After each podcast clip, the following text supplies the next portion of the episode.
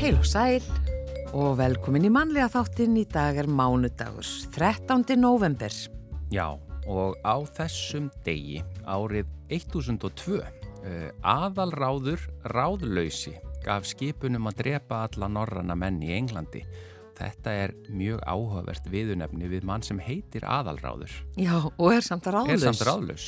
Mjög, mjög Það er mótsögg bara í, í orðinu, eða í nafninu. Og áfram svona svipum nótum, eh, 10.030, nei 1.035 segi ég, Haraldur Hérafótur. Hann var gerður að landstjóra í Englandi eftir látföður hans, Knúts Mikla. Og þetta augnefni, Hérafótur, eh, vísar til þess að hann hafi verið fljótur á fæti og mikill veiðimaður. Já. Ég held bara að hann hefði verið haldur, en það er bara alls ekki þannig. En þessi viðunefni komu öll af einhverju greinilega og þá er greinilega aðalráður. Hann var bara hreinlega örgla ráðlaus. Já, og hinn fljótur að hlaupa, Já, eins og hérinn. Þýsku fluttningaskipi Parana var sögt út af Patricksfyrði á þessum degi ára 1939 og var áhöfnin tekin til fanga af breska herskipinu Newcastle. Þetta var fyrsta þýska skipið sem var sögt við Ísland í setni heimsturöldinni. 1946 í Vestmanni var flugvöllur tekin formlega í nótkun. Já, yfir í efni þáttarins í dag. Já, í tilefni af nýraðis afmæli Ingibjargar Jónsdóttur verður emt til samkomu í Gunnarshúsi á morgun þar sem fjallan verður um hana sem rithöfund og þýðanda. Ingibjörg dó árið 1986 en eftir hana likur talsvert höfundaverk sem er reynd verður að gera skil í stuttri dagskrá e, með fram heimilistörfum og uppeldi sex barna þá vann Ingibjörg sem bladamaður einni við þýðingar og önnur rittstörf og hún skrifaði barnabækur, ungmennabækur, bækur fyrir fullorna, smásögur og leikrit, þýtti tugi bóka af ymsum gerðum og var líka þýðandi hjá sjónvarpinu árum saman. Og þau koma hingað, tvö af börnum Ingibjargar, Árni Mattiásson og Hólfrið Mattiastóttir og segja okkur frekar frá. Já, og við fáum vingil frá Guðjóna Helga Ólafsson í dag og í þetta sinn ætlar hann að leggja vingilin við Donki Kóta og þá síkildu spurningu hvort rétt sé að farga bókum sem taka upp mikið pláss í hugum og hýpilum fólks og svo er það lesandi vikunar. Í þetta sinn er það Örn, Ævar, Örn Jósefsson, fréttamaður og ríthöfundur. Hann hefur unnið við dagskrágerð og fréttir í útvarpi, var bladamaður auk þess að vinna að þýðingum, skrifa bækur og handrit en hann ætlar auðvitað að koma og segja okkur hvað hann hefur verið að lesa sjálfur undanfarið og hvaða bækur og höfundar hafa haft mest áhrif á hann í gegnum tíðina. En við bara byrjum á Gvendi á Eyrinni. Það er hann Rúnar Gunnarsson uh, og Dátar sem flytja, læði eftir Rúnar og textin eftir Þorstein Eggertsson.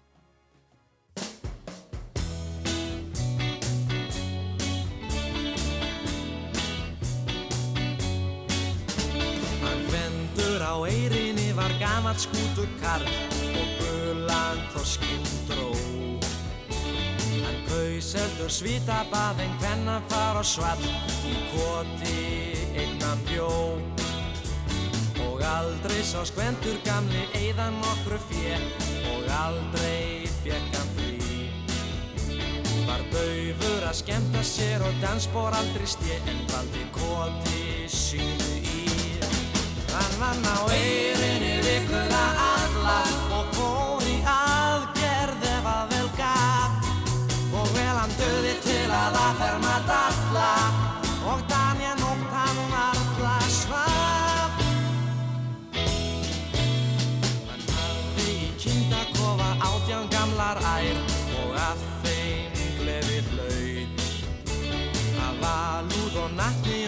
annaðist um þær Já eins og brotætt skraut.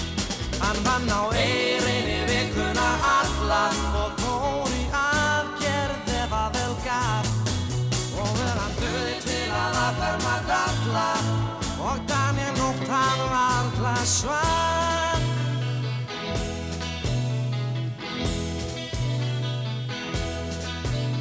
Hann gvendur á eyrinni var gæða sál og hrein göðgi hafði sín. Hann liggur nú örþreyttur og lúin kvílir bein og leiði hans er tín. Hann vann á eyrinni vikuna alla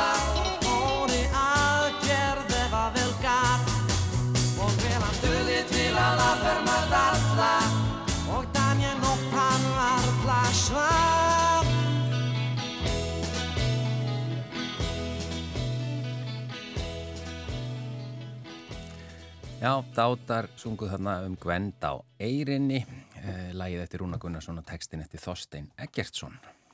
Já, og við vorum að segja frá uh, því að við ætlum í tilipnaf nýraðis amali Ingiberga Jónsdóttur að segja frá uh, þessari samkomu sem verður haldin á morgun í Gunnarshúsi, þar sem fjallað verður um hana sem er rítöfund og þýðanda Ingeborg dó 1986 en eftir hann að líka talsvert höfundaverk og það verður reynd að gera því skil í stuttri dagskrá og eh, eins og við sögum líka hér upp að hún starfa sem bladamanður eh, við þýðingar, skrifaði barnabækur, ungmennabækur, bækur fyrir fullorna, smásögur og leikrit, þýttitugi bóka af ýmsum gerðum og var þýðandi hjá sjómarspunu árum, árum saman.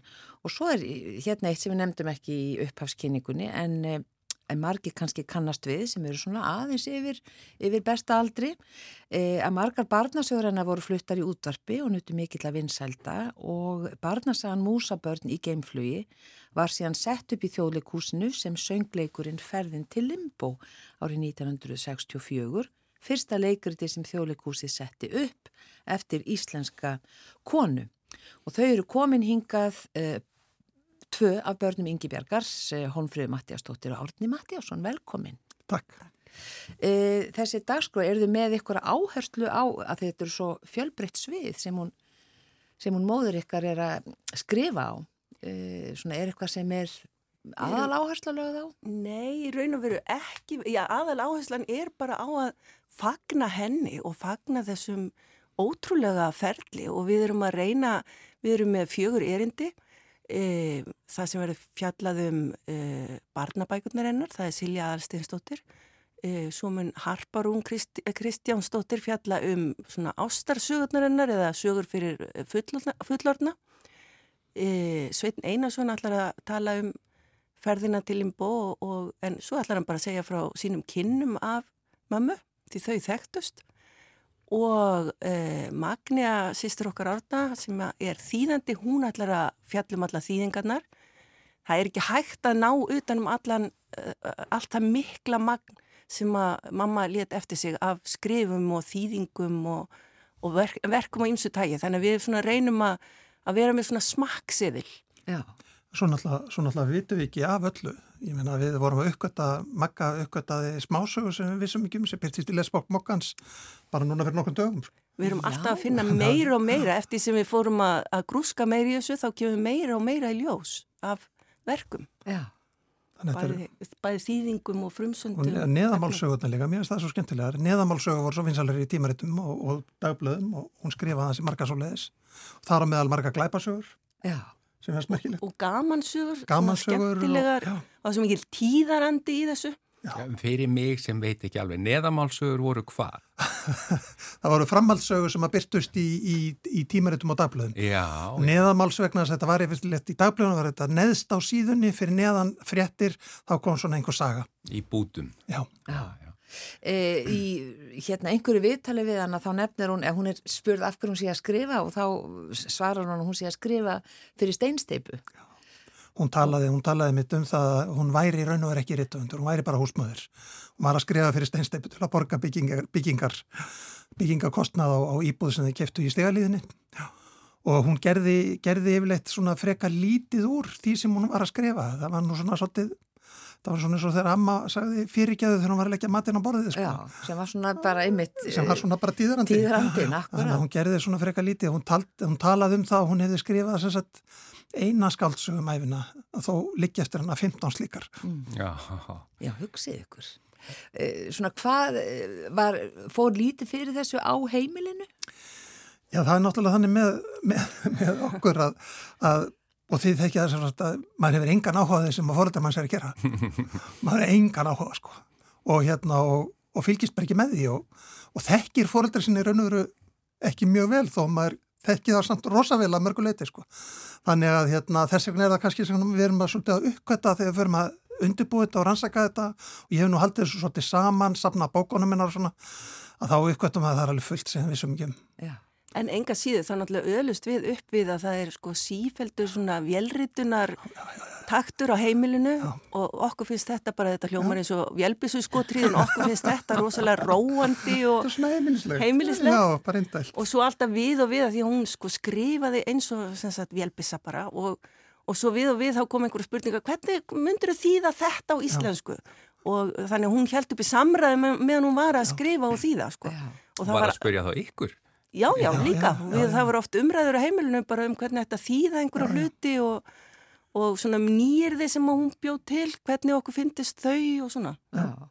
Það talaði um að það hefði verið mikil svona kymningáfa, svona kannski rauðu þráðurinn í, í mörgum verkum eða hún hefði verið sem sagt. Já, það er mjög mikið, sérstaklega, sérstaklega í barnabókunum sko, en í öllu og, og hún var svona að gera grín alveg eins og í, í bókinu var það ekki ást í Ásti Sölu, það sem var stopnað smámellufélagið.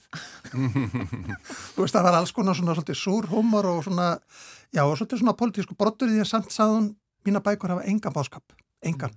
En mér finnst alltaf, sko, að því við erum, nú erum við búin að vera að lesa þessa neðamálsugur hennar uh, í tilefni að þessum viðbröði og mér finnst standa upp úr hvað hún er að gera mikið grín að þessum uh, kynja hlutverkum hennar tíma, stöðu konunar og stöðu karlmannsins og maður les það í gegn, það er alveg, sko, hún er alltaf eitthvað að, svona, að pota í þá. Já. Þetta er náttúrulega merkilegt eh, eh, að því hún er fyrsta íslenska konan sem að setja upp leikrit eftir í þjólikúsinu og allt, allt hennar starf samt er talið upp eiginlega eitt af fyrsta að hún hafi verið sexbarna móðir sem er kannski ekki endilega það sem hefði verið talið upp hjá Kall Eritöfundi. Já sko, árið sem að leikritið er sínt, frumsýnt, 1964, það ár egnaðist hún sitt sjötta barn byrti fimm smásögur og eina langa neðamálsögu neðamálsögu í blöðum og tímaritum og gaf út eina skálsögu. Þannig að það er sem sagt... En hún var samt ekki rítund. Hún var samt Já. ekki rítund. og, og en ég menna, en þetta sem þú segir hérna Hólfríður með að hún hafi sagt að það var engin uh, ekkert í rauninni, hva, uh, hún var í rauninni ekki að fara neitt með þessum sögum. Þeir eru nú ekki alveg sammála því eða hvað? Ég held hún hafi bara ekki komist hjá því, þú sérð hennar lífsín, þú lest þetta á milli línan og í gegnum alla sögurnar, en hún eins og kannski margar konur á þessum tíma e, talaði þetta aldrei niður, því ekki vildi hún lenda í áreikstri við sko, þá sem að réðu menningunni á þessum tíma. Mm. og svo var það líka þannig, hún gaf sér aldrei tíma, hún uh, segir á einhverju stað að, að hún hafi aldrei skrifað raunverulega skáltsuga því hún hafi aldrei tíma til þess að leggjast yfir hana og, og grúska í henn og hugsa um hana í mörg ár.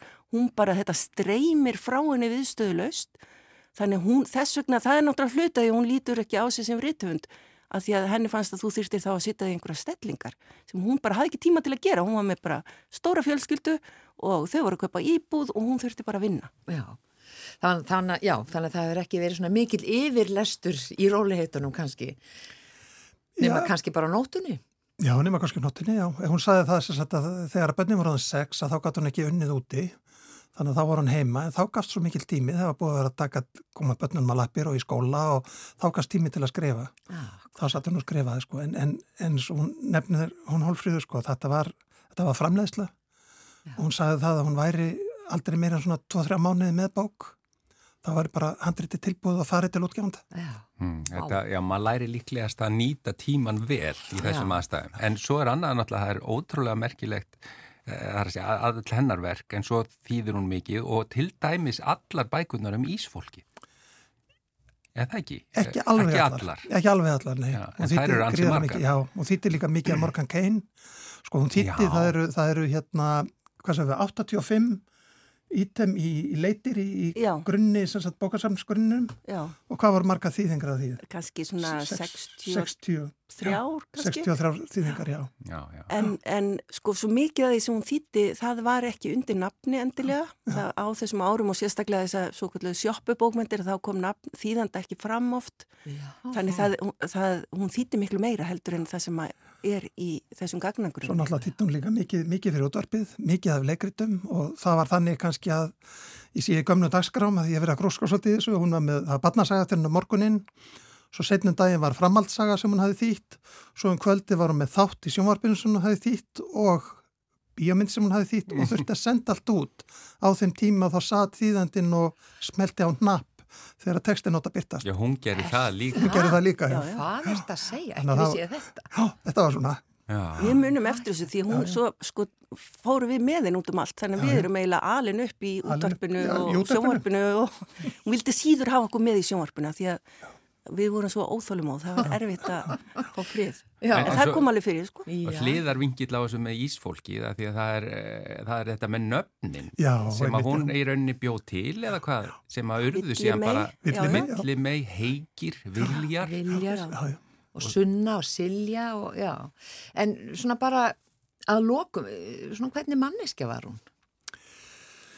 Já, það er, hún var, hún var mjög upptekinn, mjög kraftmikil, mjög kraftmikil og, og, og hérna mjög hugmyndarík og mjög skemmtileg og svona uh, hún var svona daldið opið manneskja, hún átti auðvilt með að tala við fólk, talaði mjög mikið uh, já, Já. hún var bara frábær. já, hún var mamma okkar Já, Já. hún var mamma ykkar og þið ætli líka sem sagt að svona tala um hana er það ekki, ekki bara um verkin hennar heldur líka svona að segja, Svona segja frá, já, já, frá henni sjálfri já, En þið segið eins og gerist ofta maður er ekki að taka endilegt í hvað fóreldarinn er að gera en það sem hún skrifaði svona mikið að barnabókum og ungmennabókum voruð ekki meðvituð um það og jafnvel stolt af því? Eða? Sko, sko sumt að þessu voru sögur sem að hérna hún hafði sagt okkur Já, en svo náttúrulega byrja ég minn fyrir ljótarpi með því að leika í barnalegriti sem hún hafði skrifað þegar ég er sennilega svona 6 eða 7 ára gammal. já.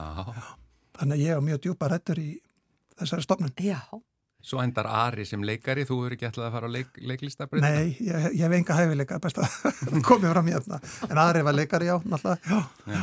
Þannig að við höfum öll meira á minna verið eitthvað tengt sko listum og bókmyndum. Þannig að við búum að því náttúrulega að, heim, að heiman. já Þessi dagskráverður á morgun í Gunnarshúsi, klukkan hvað byrjar hún? hún byrja klukkan 5 Byrjar klukkan 5 og allir velkomnir og uh, það verða kleinur það verða klein, ég vissi að það var eitthvað eftir þarna, já. Er það ekki tengingu um ömmuka líka eða hvað?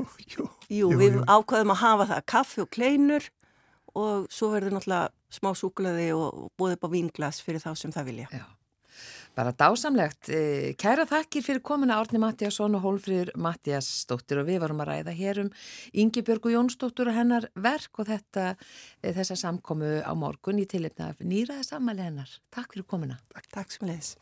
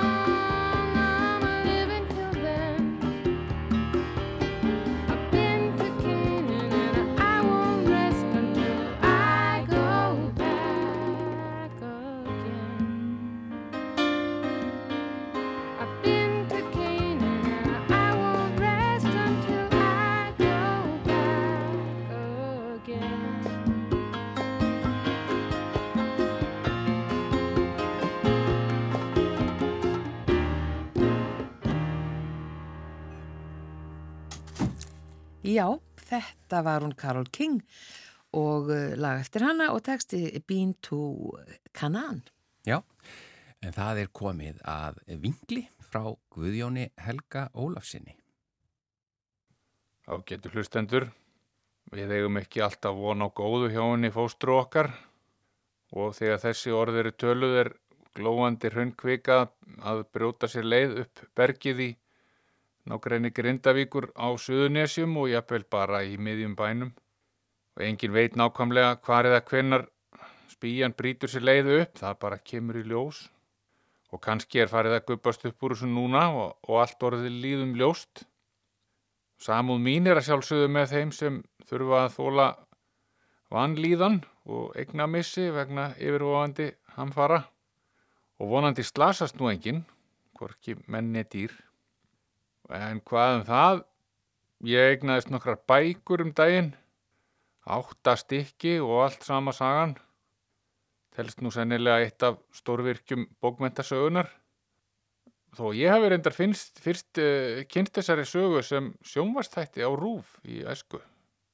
Mann ekki hvort það var teknimynd eða leikinmynd, en búin að glema því. En, en þetta er sagan um rittaran högum prúða, Don Quixote frá Mannsja og skjaldsvein hans, Sancho Panza. Sagan af Don Quixote tengist ekki atbyrðum við Grindavík með öðrum hætti en þeim að þýðandi hennar var rittöfundurinn Guðbergur Bergson sem fættist árið 1932 og ólst upp í Grindavík, marg velaunaður höfundur og þýðandi en umdelt persóna í lifanda lífi, svo vægt sé til orða tekið, hann lést í september síðastliðnum. Og fyrir þá sem ekki þekkja söguna af Don Quixote er rétt að rifja það upp að söguhetjan vildi meina að rittara mennska væri ekki útdöytt fyrir bæri í heiminum. Hann vildi sanna það með því meðal annars að finna skrimsli til að berjast við og gerði það fyrir sína parta þó aðri vildu meina að þar færu engis vindmillur og hann væri geðveikur.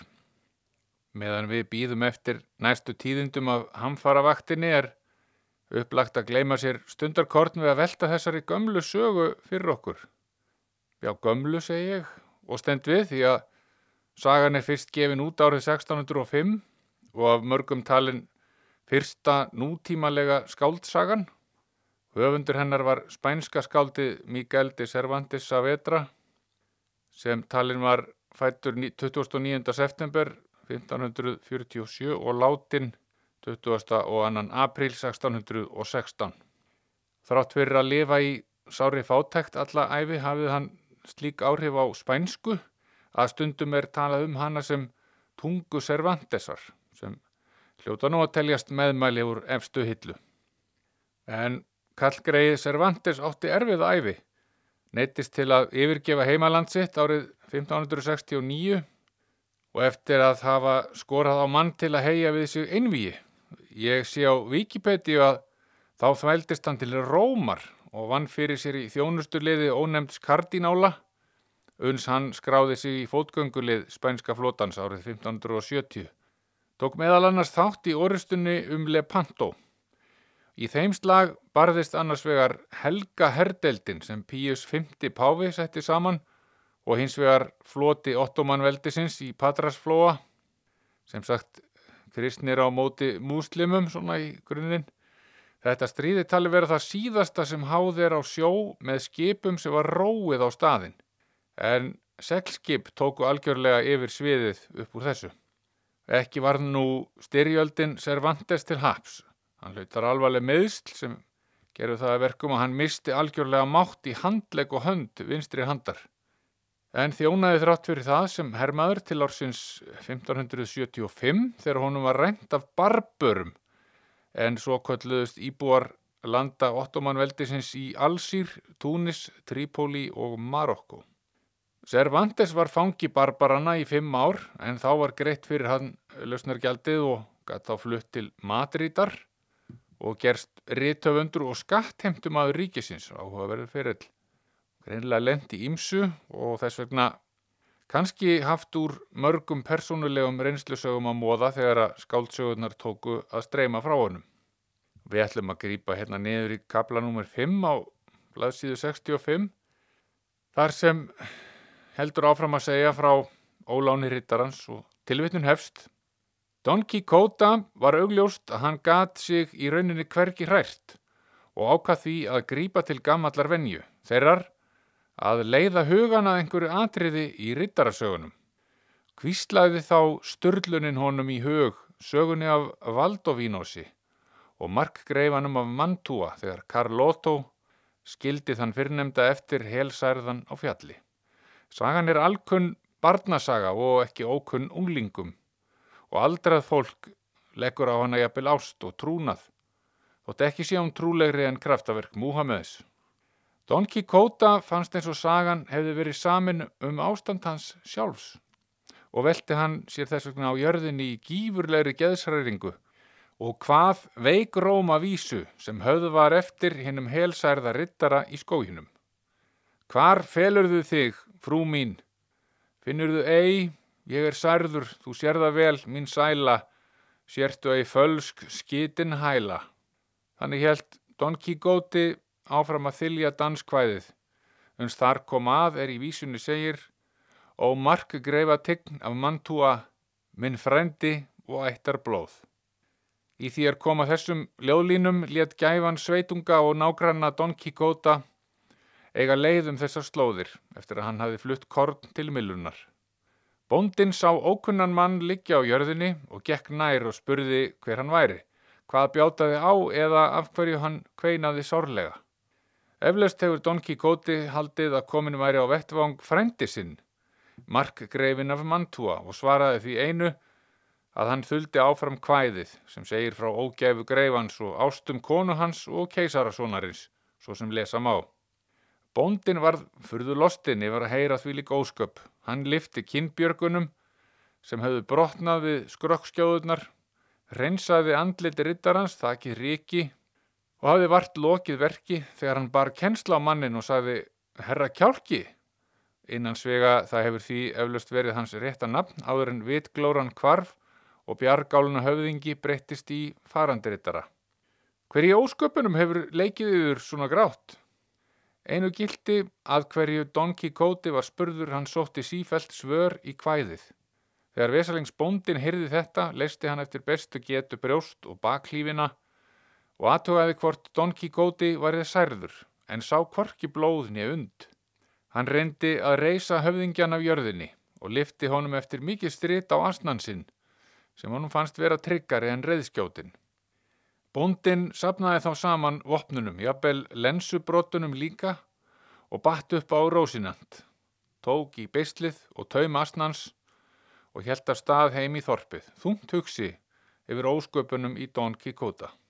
Don Quixote var einhver síður hugsi og tóldi vall á asnanum svo styrður var hann og marinn og stöku sinnum andvarpaði hann svo ámátlega að himnarnir viknuð. Andvörpun urðu þess valdandi að bóndin spurði aftur hvað amaði hann. Það var einhver líkara en fjandin sjálfur spýtti í minni Don Quixote sögum svipuðum hans eigin reynslu. Því varla hefði hann glemt Valdovínosi þegar hann myndi eftir máranum Abindaresi og að márin hafði handsambað Rodrik af Narvaez, virkistjóran í Antikeru og fært fjötraðan í Kastala. Bóndin ítrekkaði spurninguna um heilsufarið og Don Quixote hafði orðrétt yfir ummæli og orðin sem hinn tignifangi Rodrikur af Narvaez svaraði máranum og hann hafði lesið um í sögunni Diana eftir Jorge Montemayor. Don Quixote vittnaði Díanu af þvíligri þekkingu að bóndin óskaði sér norður og niður yfir að þurfa að hlusta á slíkt endemi. Þá rann upp fyrir bónda að nágranni hans væri gengin af vitinu og herti hann heimföruna til að hrista af sér þá reyði sem Don Quixote reytti hann til með laungum ræðuhöldum. En að þeim loknum sagði rittarinn, herra Róðríkur af Narvajas, viti það yðar náð að svo prúða aðalsmær sem áðurum gat er nú orðin að henni ljúfu dúlsínefu frá Toboso. Ég hef dríkt dáðir frúarinnar vegna og, dríi, og mun dríja þær mestu rittara dáðir sem frá hefur verið sagt og er um getið meðan heimurinn stendur. Bóndin svaraði á þessa leið. Íðar náð, aðtugið að ég er kvorki róðríkur af Narvanesi, nýja markreifin af Mantua, heldur bara hann Petro Alonso, nágrann yðar. Og yðar náð er kvorki valda vín, nýja abindarras, heldur henn æruverði í höfðingi, herra kjálki. Ég þekki sjálfan mig, svaraði Don Quixote. Ég veit að ég get ekki einungis orðið að nefndum önnum, heldur ofjarl hennan tólfjafningja og nafntóguðu rittaranna nýju að auki, vegna þess að dáðir mínar standa þrepi ofar en sér hver dáð, sem hver þessara manna vann einn og sér eða þeir allir í saminningu. Tilvitnur líkur, auðvita lætur Don Quixote ekki segjast, þrátt fyrir reynskilniskast bóndans í hans garð. Hann heldur þvert á móti áfram og slær hverki að, nema hvað, á þess hefði bókin ekki orðið til og þegar meintir velgjörðamenn Don Quixote taka sér til og satna saman öllum rittara og hetjusögum hans með það fyrir augum að brenna til ösku og fá hann þannig til að taka sönsum vandast málið og í ljós kemur að flestar bækurnar eru slíkir dýrgripir að þær fá framhaldslíf hjá rakaranum sem finnst óskapleg synd að farga góðum bókum. Kanski er einhver líkindi með rakaranum og þeim sem hér talar. Aldrei gæti ég hugsa mér að farga dýrgripum eh, bókmyndasögunar á meðan aðrir sem standa mér nærri myndu fyrir eitt orð, leggja þær á brennuna og líta á sem eitt mikið mannúðarverk enda plásfrekt og skrítið áhuga mál að sapna bókum. Vonandi verður nú farin einhver millivegur samt, ég held að það borgi sig og farin nú varlega, hvar sem þið eruð. Góðar stundir.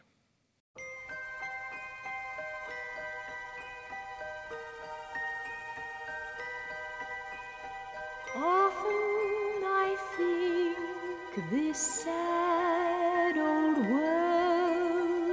is whistling in the dark, just like a child who late from school walks bravely home through the park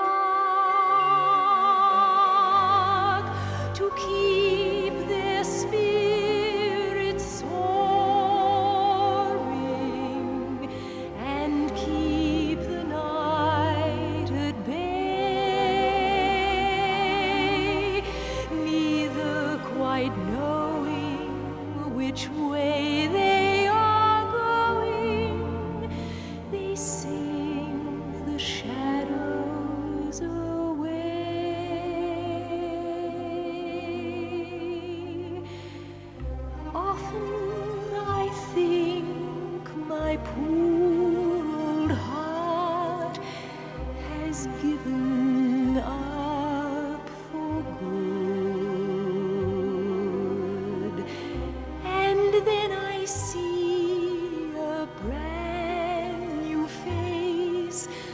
glimpse some new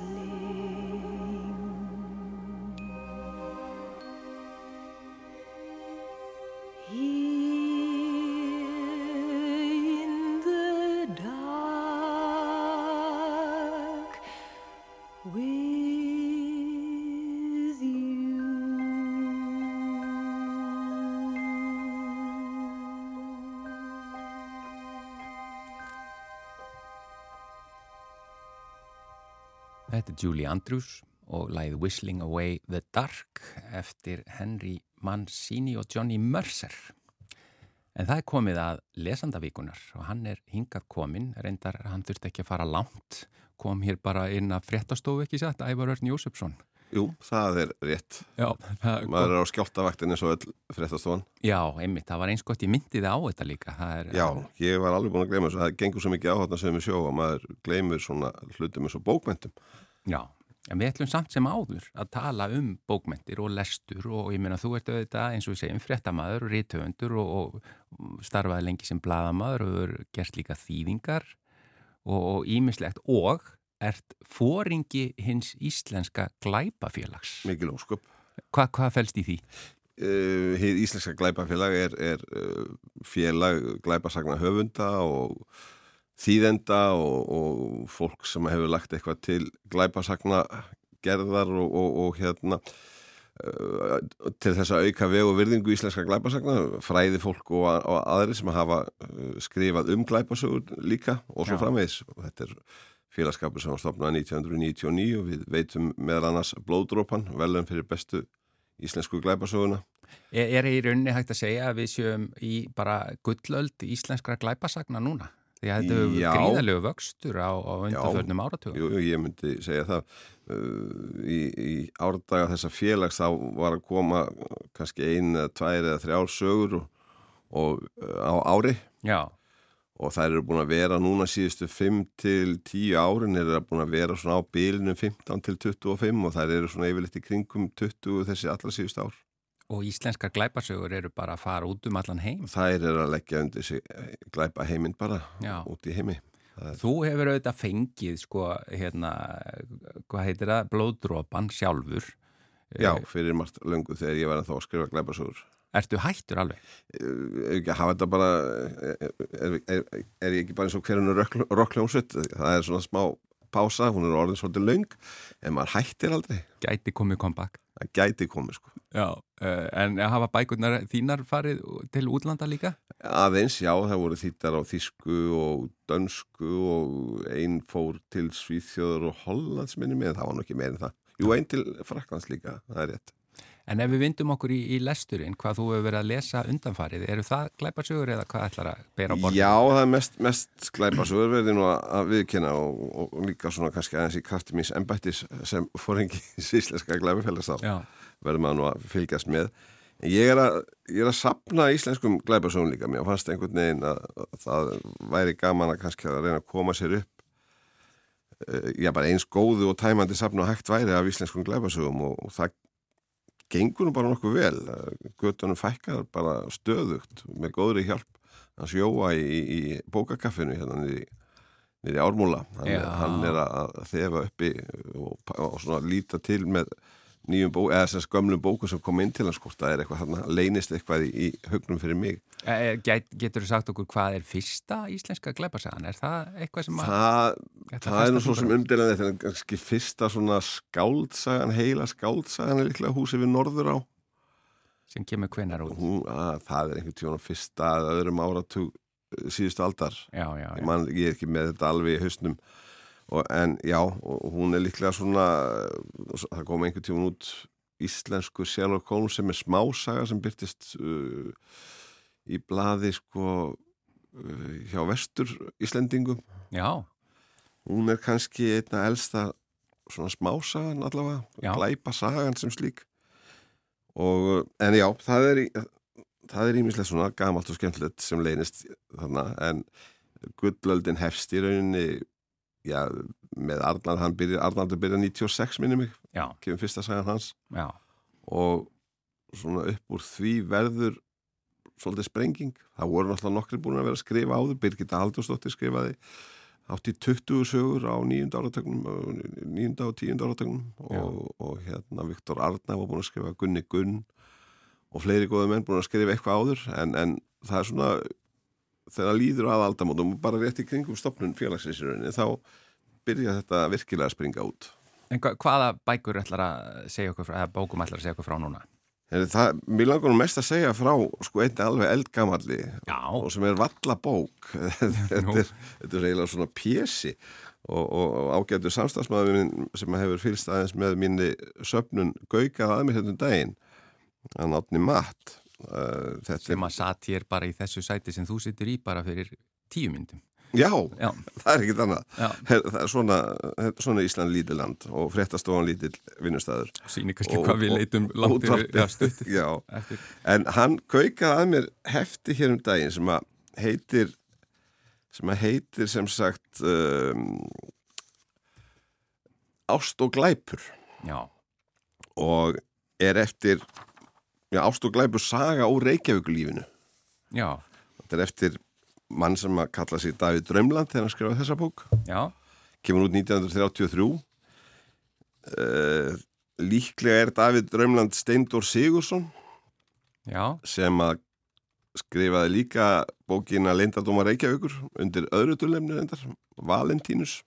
Já, það er svona alveg skálsa og svolítið löng eða, semst, þessi er sko 63 blaðsýður en þessar blaðsýður eru mjög litlar. Þetta er svona A6 eða eitthvað sko, þetta er pínu lítið hefti. Og, og þessar 63 pínulitlu síður sem eru með stórum spásjum skiptast í tíu kapla. fljót lesið, Já, en, en mér langar kannski að sko, ég ætla að lesa fyrir því smá, ég er nú, að því ég var alveg búin að gleyma þess að glemdi ég að taka hefti með mér, en ég fann hins vegar eh, umfjöldun um akkurat þetta ritt í, í gömlum hérna, helgaposti á tímarit.is Já. og þar er einmitt tilvitnum úr henni ef ég má lesa hér, nú ég að lesa þennan texta hérna. Við erum stattir á einna verstu krám borgarinnar. Út um dyrnar best vín döðn og óþværa loft mettað síklum Þar inni yðar alltaf ölfuðum konum og körlum glasa hringlu og brotljóð samfara formælingum og ragni fyllir allt einhverju djöfuls eitrar anstigð þetta er svakalega byrjun. Já, djöfuls eitran og anstigð já, á þetta að vera. Já, og þetta er sko ég er nú með mynda fórsíðin í símanum hjá mér og, og kaplaheitin eins og segi, þetta er er östutt sagan, hún skiptir samt í tíu kapla já, og kaplaheitin er alveg kapitúli út af fyrir sig ef, svo má segja. Það er semst fyrsti kapitúli það er fórnar dýrið já, annar kapitúli höggormurinn þriði kapitúli svallsistirinn fjórði kapitúli trúar eiginkonur. Og svo fymti öfundsverðir eiginmenn. Það var alveg kaltæni þessum tveimur síðustu sko, Já, já, þegar þarna er sko verið að vísa til hins þver öfuga sem kemur fram í bókinni sko. Já. svo er það sjötti kapitúli syndafallið. Ó. áttundi kapitúli glæpurinn níundi kapitúli armur lagana og svo tíundi tortíming. Nó, já, það fer illa eða hvað. þe- þetta fer voðalega illa. En glæpurinn kemur bara í áttunda kapla. já, já, það er búið að vera sko, undirbyggja þetta. Já, já, já, já, en þetta er, þetta er, þetta er mjög sérstök saga sko, þetta er Þessi saga segir frá því sko, hvernig sko, ægilegt tálkvendi, þetta er svakalega samviskulegs famfatal, nú, nú, hárgreislu konan Eva Árna. sko, Já, hún dregur ungan og, og alveg bráð efnilegan bankastarfsmann Svein Sveinsson já, já, niður í svaðið, alveg bara næstu því já, hreitt já, Sveins Sveinsson. næstu fyrir hreitt Svein Sveinsson sko. þetta er góðu piltur hans Svein og stránkheðalegur, vönduðu og vamlösu fólki komin sko, og, hérna, og hann reynir náttúrulega sitt besta blessaður drengur að standast vél að brögum hennar efu en það bara döga skamt og hann, hann er farin að sofa hjá henni fyrir en varir og hún er einhver. og það er merkilega sko að þó, það sé hún sem er hargift og, og stundi þetta þennan glæp, eh, svakalega glæp að, að halda framhjá þá er það hún sem að kúar fyrir út úr honum. Nú, já, Sveinin Sveinsin með því að hóta að segja frá já, og, já, og við vitum ekki alveg sko. En er þetta stóri glæpurinn í sögunni? já, er já, fram- glæpurinn já, nei, sko, glæpurinn er náttúrulega kannski að hún er að kúan Já, já, en, en og, og, og sko þær hérna Eva Árna og, og höggormurinn stallænar Ásta Óla. Nú, höggormurinn, já. já, e, e, það er sko Eva er höggormurinn Já, og, og, og Ásta Óla eh, er svall sýstirinn ná, já, og hérna þær eru báðar hárgríslu konur og sjómannsfrúr og kapla heitin sem sagt eins og ég Já, já. talaði maður trúar eiginkonur og öfundsverður eiginmenn þetta er svona kaltæðinni sko þetta er já þeir En- hafa náttúrulega auðmikið kokkaluðu sjómyndir hafa ekki hugmyndum hennan ólifna á eiginkonunum En er einhver húmor þá í sögunni? eða? Nei, það er nei. ekki Húmórin fest engöngu því þegar við erum að lesa þetta í dag Já, það hú- sjáum við. Algjörlega húmórslaust og hérna og þær uh, þessar tvær hárgræslu konur þær svíkja miskun og sérstaklega ef árna að svíkja miskunarist fjö út úr körlunum sem það er sofa hjá. Ég veit ekki alveg hvernig það virkar. Já, þetta, já, já, og svo eigða þessu öllu í sko sökk og svínari náttúrulega, meiri ólifna en ef að þessi, hún virðist nú vera samt einhver slags sko bara ofur kona því að því að hérna, hún er sukkandi og svallandi og dragandi karla og tálar bara öll kvöld og nætur. En á daginn þá reykur hún einhverja virtustu og vinsælustu hárgræstustofu borgarinnar. Og engan grunna neitt? Nei, nei, nei, nei.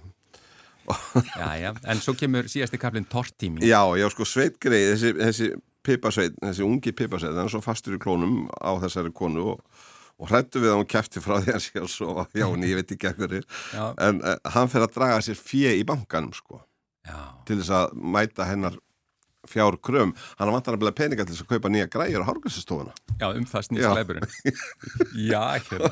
Hún eigðir náttúrulega öllu sem hún fær í sökk og sína, en svo vantar hann meiri pening til þess að endur nýja græjurnar á fínu hárgræsistofunni Já, Já, þetta já. var uh, Ást og Glæpur eftir Davíð Draumland. Já. Líklegast, hvað sagður, Steindór Sigursson Steindór Sigursson Já. og frá 1933 Já, Þetta er stórkostlega bók. Heyrðu, en þetta, við við fengum að heyra þetta í svo löngumáli sem var reyndar mjög áhugavert að glæ, skiknast inn í glæpasugur hvað frá 1933 33 eh, Þú kemur kannski að einni bók áðurinn fyrir um lengra aftur í tíman nema þú verið Já, að tala nei, hrætt nei, yfir um já, að Það er kannski bara ég verið að lesa aðeins hérna uh, enska krima líka í bland við íslenska og var að lesa til dæmis nýjustu bókinans Ian Rankin skotans góða sem skrifar um Rebus já, og hann hefur verið í smá lægð og maður var orðið svona, eða fannst þetta mér svona, fyrir, fyrir minnsmekk mikill aðdáandi uh, Rankins. Já, uh, og maður var orðin pínlítið, bara svona pínlítið þreyttur á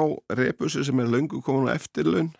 Já, og ennþá þreyttari á náunga sem heitir Big Jerk Cafferty sem er svona ljóti, ljóti kallin í Edinborg og öllum Rebusar bálkinu sem er orðin sko 24 bækur alltaf sami vondikall Já, mjög mörgum er hann svona einhvers svona vomandi yfir, einhvers það já. bakgrunnum að minnstakosti og stundum í hansi stóru hlutverki Já, og í þessari 24. bókum Rebus eh, sem heitir A Heart Full of Headstones eða hvað við segja, höfuð fylli af leggsteinum já, þá er er hérna kafferti líka ansi fyrirverða mikil en þetta er þetta er svona ákveðin upprýsa í gangi þannig að þetta er ansi bara mm, já, með betri bóku sem er komið frá rankin í langan tíma þó að kafferti sé þarna. Já En sko það, ég kemst þá öruglega ekki hjá því að því að ég ætla núna að fara aftur í tíman hvað svona, hvaða bækur eða höfundar eh, og eða eh, standa svona upp úr sem hafa haft virkilega áhrif á því. Það er þá væntalega einhverju glæpasagna höfundar eða bækur. Já, líka, já, já.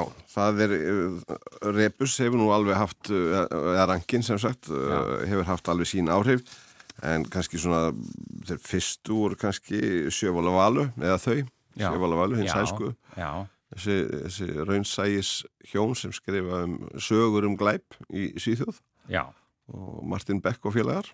einmitt. Það er mikil, miklir áhrifavaldar í mínu lífi. Er það svona svolítið upp- upphafið á þessu skandinavíska? Já, ég myndi segja það. Þau eh, leggja alveg grunninn að bara öllu sem við sjáum í dag frá þessum eh, höfundur sem er að skrifa hefðbundnar lauruglu glæpasögur alltaf bækunarna Írsu til dæmis eru ekkert þarna þær eru, hún er að skrifa svolítið mikið öðruvísi krimma Já. en það sem að Arnaldur er að gera það sem að Solvi Páls er að gera það sem að Ármann Jakobsson er að gera uh, Eva Björg uh, það sem ég var að gera þetta er og, og fleiri höfundur átni þóra eins og bara fullt af þessu fólki Viktor Arnar og þetta er voða mikið sótt í þennan brunn þetta er náttúrulega, við erum öll ólíkir höfundar en Já.